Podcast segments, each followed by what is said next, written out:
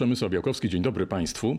To ma być klimatyczny plan remontowy dla Polski. To oczywiście w takich potocznych słowach, formalnie natomiast to ustawa przygotowana przez zespół polskich prawników i specjalistów od ochrony środowiska. Ustawa o ochronie klimatu. Ze mną Zuzanna Rudzińska-Bluszcz, prezeska Client Earth, prawnicy dla ziemi, radczyni prawna. Dzień dobry.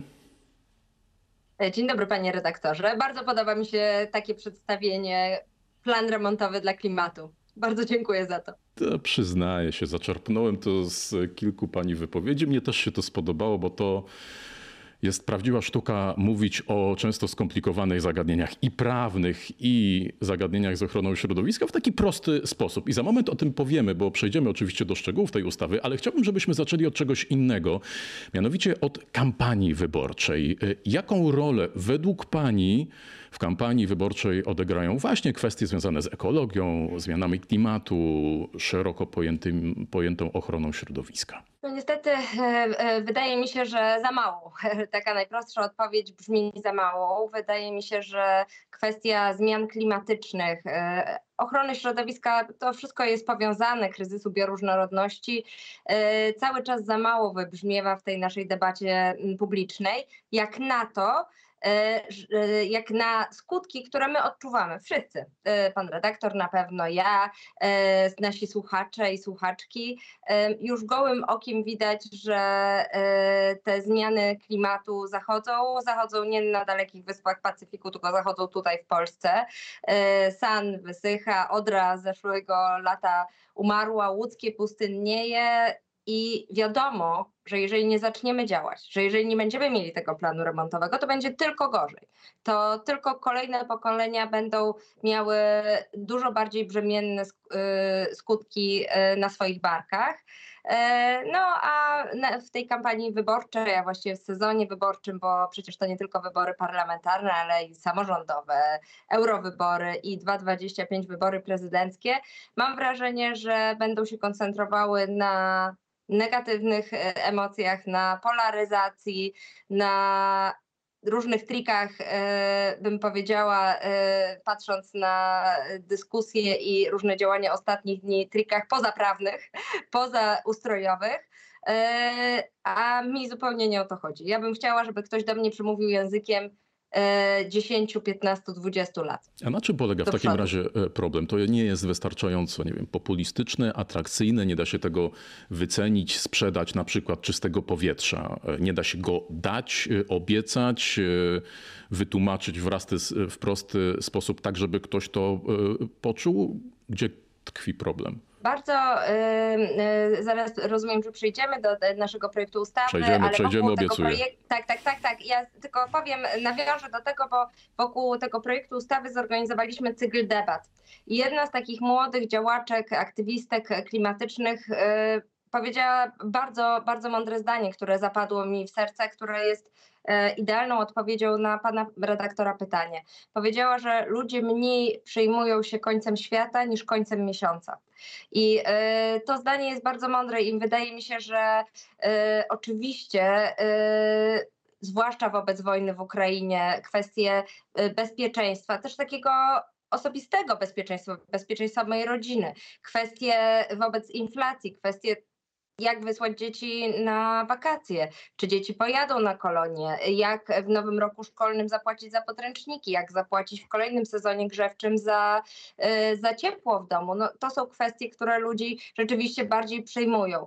E, natomiast, tak jak już powiedziałam, to, to wszystko jest powiązane i to na naszych e, reprezentantach, na, e, na i politykach, polityczkach, na tych, którzy pełnią funkcje publiczne, na prezydencie, premierze spoczywa moim zdaniem, to jest moja ocena, tak, tak, y, takie prowadzenie debaty publicznej, żeby lu ludziom wskazywać te powiązania, żeby nas prowadzić niejako za rękę i pokazywać, słuchajcie, absolutnie kwestia ciepłownictwa w zimie, ja wie, wiemy, że jest dla Was kluczowa, ale to jest powiązane z XYZ. I jeżeli dzisiaj się tym XYZ nie zajmiemy, to za pięć lat y, cały rok będziemy w rękach trzymali telefony z aplikacją, które będą nam wskazywać, czy będziemy mieć elektryczność w domu i o której godzinie, czy nie. To już kończę ten wątek kampanijny, ale tak się zastanawiam jeszcze, gdyby to było powiedzmy trzy lata temu, czy, czy już trzy lata temu z kawałkiem, przed pandemią w okresie, no nie wiem, późno jesiennym czy zimowym, gdzie mam wrażenie, że mieliśmy takie naprawdę apogeum mówienia o, o smogu, raz, że samego smogu, ale tutaj niewiele się zmieniło, e, ale to był naprawdę bardzo nośny temat, taki, o którym się e, mówiło. Teraz te tematy, o których pani wspomniała, no, w oczywisty sposób, e, czy w pewien sposób wyparły, czy przesunęły się na, na te wyższe miejsca w tym rankingu. A czy byśmy wtedy mieli e, takie bardziej po prostu krótkowzroczne, a niekoniecznie, znowu, no może nawiązanie do tego, że miesiąc wypłata, a nie, e, nie koniec świata. Czy to jest trochę tak e, w tych kwestiach politycznych, no że teraz jest to na topie, no to trzymamy się tego. Teraz gdyby był teraz smog, no to byśmy się trzymali smogu, albo gdyby teraz była katastrofa na Odrze, a nie rok wcześniej, to nagle ta Odra stałaby się tematem, czy jednym z wiodących tematów kampanii. No, na, pewno, na pewno tutaj jest kilka wątków. E, Przede wszystkim żyjemy w takim postinformacyjnym społeczeństwie, które żyje ten news, e, to, to zagadnienie, którym żyje debata publiczna, którym żyją, e, żyje Twitter, którym żyją wiadomości e, czy inne programy informacyjne, e, trwa dzień, dwa, tydzień. Maksymalnie tydzień. E, W tym tygodniu, e, i to możemy się śmiać, to jest na pewno nasza cecha narodowa, stajemy się wszyscy ekspertami od tego tematu. E, Nagle wszyscy się wypowiadają, czy chodzi o ochronę rzek, czy chodzi, czy chodzi o skoki narciarskie, czy chodzi o jakąś chorobę, na którą ktoś publiczny choruje i tak dalej, i tak dalej. A później to odchodzi w niepamięć, bo kolejne wydarzenie zajmuje, zajmuje nasze głowy. I, i, i kampania wyborcza oczywiście rządzi się tymi prawami, tymi, tym, tą naszą trzysekundową e, atencją. E, I, I znowu, e, ja, ja wiem, że się powtarzam, ale wydaje mi się, że to jest niezwykle istotne i powinniśmy wymagać od tych, którzy są naszymi przedstawicielami, e, od rządzących, żeby to oni byli na takim poziomie intelektualnym, na takim poziomie strategicznym, na takim poziomie dojrzałości też, żeby e, tę debatę prowadzić merytorycznie, żeby pokazywać e, nie tylko ten e, horyzont do kolejnych wyborów, bo to jest, moje, to jest mój zarzut, że tak naprawdę od kiedy pamiętam w Polsce rządziło się do kolejnych wyborów, e, tylko żeby pokazywać ten horyzont dużo szerszy. I też ze smogiem, e, no ja jestem zaangażowana też w walkę o czyste powietrze już bardzo długo, bo jeszcze za czasów e, pracy w Biurze Rzecznika Praw Obywatelskich e, reprezentowałam rzecznika w postępowaniu sądowym pana Palarza w Rybniku. To chodziło o rybnicki, rybnicki smog. Sprawa dotarła do Sądu Najwyższego. Sąd Najwyższy powiedział, że nie ma odrębnego dobra osobistego w postaci prawa do życia w czystym powietrzu.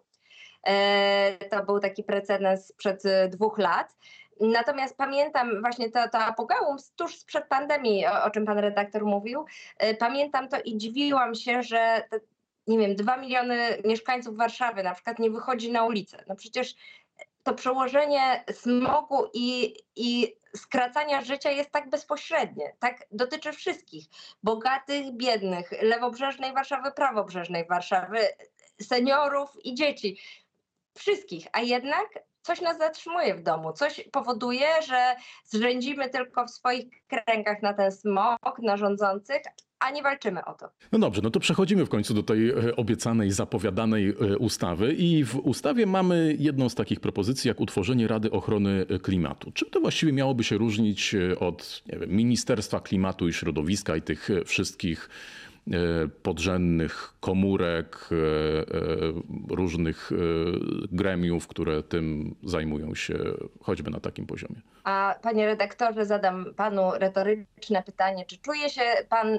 dobrze reprezentowany przez Ministerstwo Klimatu i Środowiska? Czy ono stoi rzeczywiście i broni interesów społeczeństwa polskiego, jeżeli chodzi o przystosowanie do już zachodzących zmian klimatu i czy rzeczywiście podejmuje działania, żeby zmniejszyć y, nasze przykładanie ręki, nasze polskie przykładanie ręki do y, zwiększania y, skutków zmian klimatycznych. No ja nie mam takiego poczucia i dlatego wymyśliliśmy instytucję, która nie będzie instytucją polityczną, bo pamiętajmy, że każdy minister, niezależnie jakby był wspaniały, jest politykiem, y, który wchodzi w skład Rady Ministrów y, danego premiera. Y, instytucję, która będzie niezależna, która będzie się składała z ekspertów i ekspertek, która będzie działała z jednej strony jako taka instytucja doradcza dla, dla rządu, dla rządzących, ale z drugiej strony jako też instytucja chroniąca społeczeństwo, jeżeli rząd nie realizuje pewnych wytycznych w zakresie właśnie e, klimatu i tej ścieżki dojścia do neutralności klimatycznej. A w jaki sposób powiem... E, mogłaby być skuteczna e, w tym, o czym pani mówi, to, ta instytucja, to, to gremium? Nawet nie musimy teoretyzować, bo ta rada została, została stworzona, wymyślona na podstawie doświadczeń Wielkiej Brytanii. W Wielkiej Brytanii działa taka, taka rada klimatyczna i ona właśnie jest takim głosem opiniującym rząd, y, wskazującym, że raz na rok składa y, swoje sprawozdanie i pokazuje, czy Wielka Brytania jest na ścieżce dojścia do neutralności klimatycznej, czy podejmowane wysiłki y, zmierzają do, zbliżają Wielką Brytanię do tego celu, czy wręcz przeciwnie mówiąc kolokwialnie, rząd leci sobie w kule, y, bo niestety mam takie poczucie, że w Polsce, y, jeżeli chodzi o politykę energetyczną, o politykę klimatyczną, to to, czego nam brakuje, to konsekwencja. My w Polsce cierpimy na chroniczny brak konsekwentnych działań, to z jednej strony, a z drugiej strony ponoszenia odpowiedzialności za różne działania, które są na szkodę państwa i e, jego obywatelek i obywateli. A skąd wziąć 1% PKB na ochronę klimatu? No, z budżetu państwa. E, ten 1% e, to myśmy, myśmy wskazali 1%, jest to mniej niż państwo wydaje rocznie na program 500. Jest to Czyli zabrać, co najmniej zabrać 500 nie, nie, nie. czy 800 ja tylko, i przeznaczyć tylko, na ochronę klimatu. Nie, ja, ja nie jestem polityczką, więc nie będę tutaj nalewać z z próżnego w puste e, i, i, nie bawię się w jakieś publicystyczne, komu zabrać, a komu nie. E, znam się na jakimś wycinku rzeczywistości. Nie, tylko chcę powiedzieć, żeby, żeby też nasi słuchacze, słuchaczki wiedzieli, to jest e, więcej niż trzy razy mniej niż wydatki na obronność aktualne Polski, a jednak zmiana klimatu to mam poczucie, że jest największym wyzwaniem XXI e, wieku, bo ze zmianą klimatu wiąże się wszystko. Słuchając wiadomości, bardzo Państwa zachęcam, bo ja już mam też wyczulone na to ucho e, jak zmiana klimatu już wpływa na przykład na bezpieczeństwo geopolityczne. Teraz to, co się dzieje y, na granicy y, y, Iranu z Afganistanem, to jest walka o wodę. Bardzo dużo konfliktów w Afryce subsaharyjskiej to jest walka również o wodę, o warunki do życia, które będą bezpieczne dla człowieka i stąd też te wielkie migracje na całym świecie to się już dzieje. E, u naszych granic, które są granicami e, wschodnimi Unii Europejskiej, e, będą nie tysiące, tylko miliony uchodźców klimatycznych za kilkanaście lat. I nasze państwo musi sobie z tym poradzić. Dlatego też uważam, że ten 1% to jest naprawdę też symboliczna, symboliczne 500 plus dla przyszłości bezpieczniejszej, nie, nawet nie tylko bezpieczniejszej przyszłości dla nas samych w Polsce. No poruszyła Pani dwie bardzo kontrowersyjne e, kwestie i pewnie bardzo ważne. Z jednej strony ten program społeczny to 500 czy 800, plus, a z drugiej strony wspomniała Pani o 3% PKB na armię. E, też o tym na samym początku wspomnieliśmy, że rozmawiamy o tym wszystkim i te kwestie związane z ochroną środowiska pewnie zeszły na dalszy plan kosztem wojny za naszą wschodnią e, granicą i okej, okay, rozmawiamy w serwisie ekologicznym, ja jestem dziennikarzem ekologicznym, mnie do tego przekonywać nie trzeba, że to są istotne kwestie. Natomiast jeśli e, ktoś usłyszy w zestawieniu, że no, ale tutaj mamy wojnę, tu jest dużo wydawane na wojnę, tu jest dużo na problemy społeczne, a jednocześnie ten 1% PKB to wcale nie jest tak dużo, no to może to nie być przekonujące. No, e, to, to, ja powiem tak. E, e, jeszcze raz powtórzę. Na szczęście nie pełnię funkcji publicznej i nie, na mojej, nie jestem premierką tego kraju, naszego kraju i nie na mojej głowie spoczywa trzymanie tych wszystkich problemów w jednym ręku. Natomiast wiem i co do tego jestem przekonana i siedząc w, i zajmując się prawami człowieka, i zajmując się teraz zmianami klimatycznymi, jestem przekonana, że i nasze bezpieczeństwo, e, i nasza jakość życia, e, i nasze zdrowie e, jest powiązane bezpośrednio ze zmianami klimatycznymi. I dlatego ja nie mówię, żeby nie zajmować się, ja uważam, że i widziałam, spotykałam się z ludźmi, którym 500 plus bardzo dużo dało, przede wszystkim jeżeli chodzi o godność e, i, i to odrębny program moglibyśmy na ten temat sobie e, stworzyć i, e, i cały go przegadać, więc ja tutaj nie oceniam ani skuteczności 500+, ani tym bardziej nie znam się na kwestiach militarnych, natomiast jestem przekonana, że żyjemy w takich czasach, wielu kryzysów, wielu kryzysów, które się dzieją, że nie możemy przymykać oka na jeden kryzys, zajmując się drugim. I, y, I dlatego y, pewna dojrzałość polityczna, bo powiedziałam o tej dojrzałości, pewna dojrzałość polityczna wymaga, żeby mówić o tych y, wielu kryzysach, ale pokazywać też szanse, bo ja wierzę, że to, co się już dzieje, czyli ta transformacja energetyczna w Polsce, bardzo, która bardzo przyspieszyła po wybuchu wojny w Ukrainie, no nie musimy sobie tutaj, myślę, tłumaczyć wszyscy dlaczego, ze względów znowu E, geopolitycznych ze względów bezpieczeństwa. Ta transformacja energetyczna jest e, chyba największym w dziejach Polski e, taką rewolucją technologiczną i przemysłową. I teraz musimy wyciągnąć z, z wcześniejszych transformacji w Polsce wnioski i zadbać, żebyśmy wszyscy się na tą rewolucję załapali, żeby, żebyśmy nie zostawili ludzi poza burtą, e, żebyśmy zrobili to e, ucząc się na błędach, e, też błędach transformacji, transformacji demokratycznej 89 roku i kolejnych lat. No to jak już jesteśmy przy tej transformacji, mówimy bardzo dużo hmm. o kwestiach społecznych, e, to co by pani powiedziała górnikom, którzy dowiadują się, że ich miejsce pracy, ich zakład pracy, kopalnia będzie za moment zamykana? Myślę, panie redaktorze, że, e, że żaden górnik, znaczy o co chodzi wszystkim nam tak naprawdę? Wydaje mi się, że chodzi nam o godne życie i w miarę bezpieczne życie. Yy, oprócz tego, będzie że... praca, yy, będzie wypłata do tam 15 tak, czy 10. No nie będzie to... Co tak, nie ma co trywializować, bo y, też spotykamy się tutaj, pan jest w swojej pracy, ja jestem w swojej pracy, y, więc, więc myślę, że chodzi o to, żeby zapewnić górnikom, ich rodzinom godne życie po transformacji energetycznej.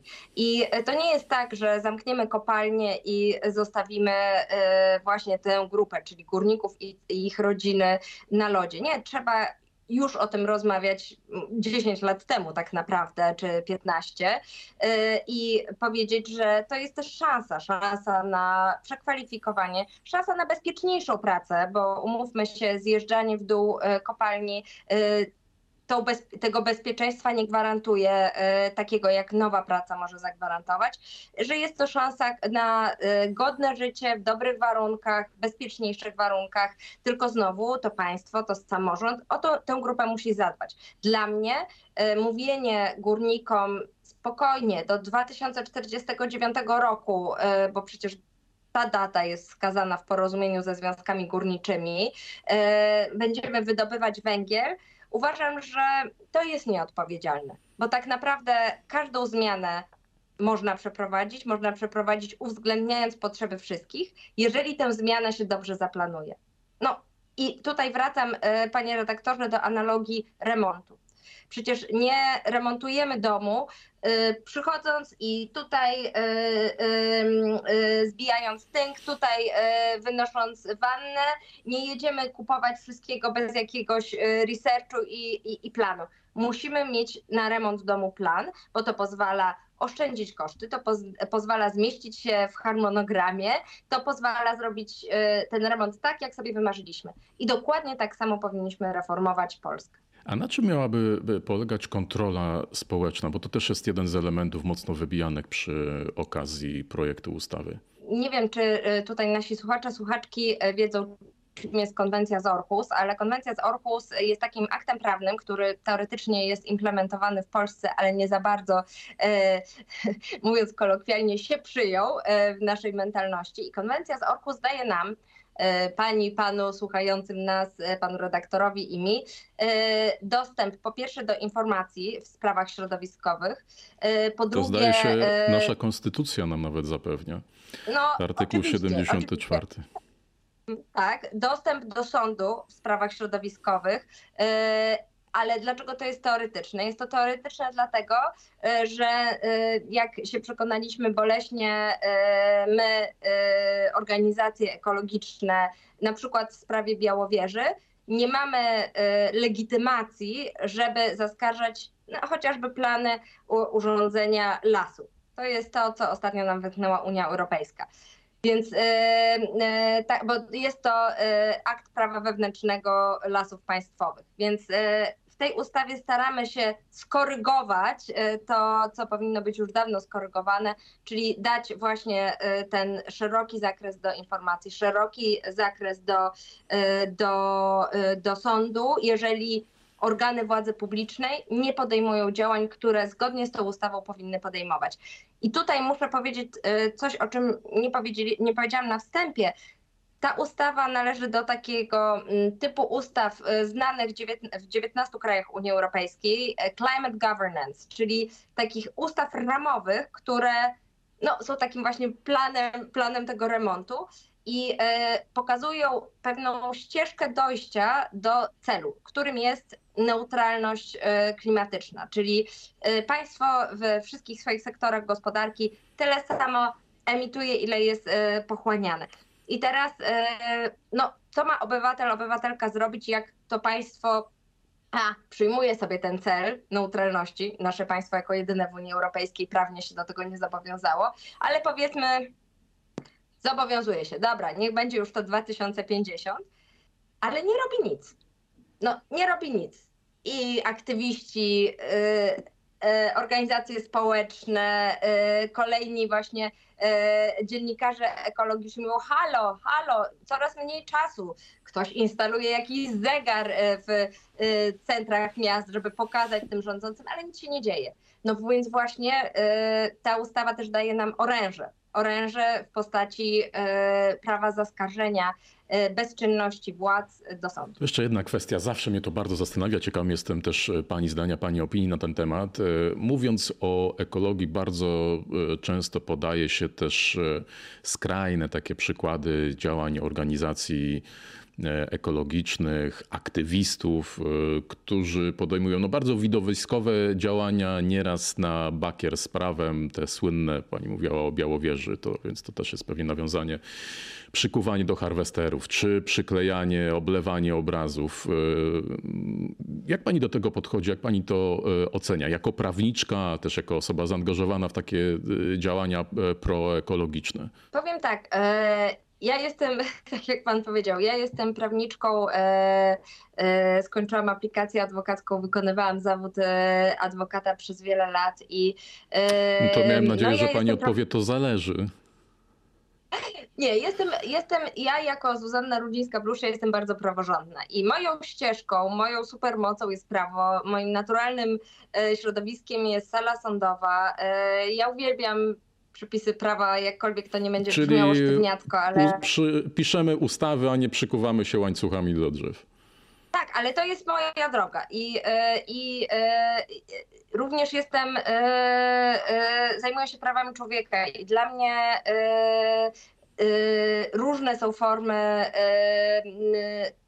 uczestniczenia w życiu publicznym i ja nikogo nie ganię, y, że używa innych, un- innych narzędzi niż ja. Ja uważam, że y, znaczy oczywiście możemy na konkretnym przypadku dyskutować, czy to jest legalne, czy nie, natomiast czy ja bym oblała obraz, czy ja bym się przykuła do komina, nie. Ale czy ja to potępiam w czambu? Nie. Dlaczego? Dlatego, że wydaje mi się to też y, y, niestety pokłosiem braku przestrzeni w Polsce od ładnych kilku lat na dialog rządzących ze społeczeństwem obywatelskim. Gdyby ktoś y, stronę społeczną zauważał, wysłuchiwał, zapraszał do Sejmu, który jest pięknym budynkiem przedwojennym, zaprojektowanym tak, żeby właśnie ludzie mogli przez niego przepływać. Po to są te e, takie arkady, żeby ludzie mogli e, wchodzić ulicą wiejską i dochodzić później do parku za Sejmem. Teraz Sejm jest ogrodzony e, barierkami i to bardzo dobrze symbolizuje, e, jak, e, co myślimy o społeczeństwie. O społeczeństwie myślimy, że jest zagrożeniem dla rządzących. Gdyby rządzący y, widzieli w stronie społecznej ekspertów, ludzi, którzy są blisko y, lokalnych spraw, którzy na lokalnych y, sprawach i lokalnych walkach zjedli zęby i byli zapraszani do dialogu, wtedy być może nie byłoby potrzeby wyrażania krzyku, wyrażania oporu i buntu obywatelskiego. A takie otwarcie dla społeczeństwa i zaangażowanie tego społeczeństwa zakłada ustawa o ochronie klimatu, o której mówiła prezeska Client Air Prawnicy dla Ziemi Zuzanna Rudzińska-Bluszcz. Pięknie pani dziękuję za rozmowę. Ja również dziękuję bardzo, do zobaczenia. Do zobaczenia, bardzo dziękuję. Państwu też dziękuję.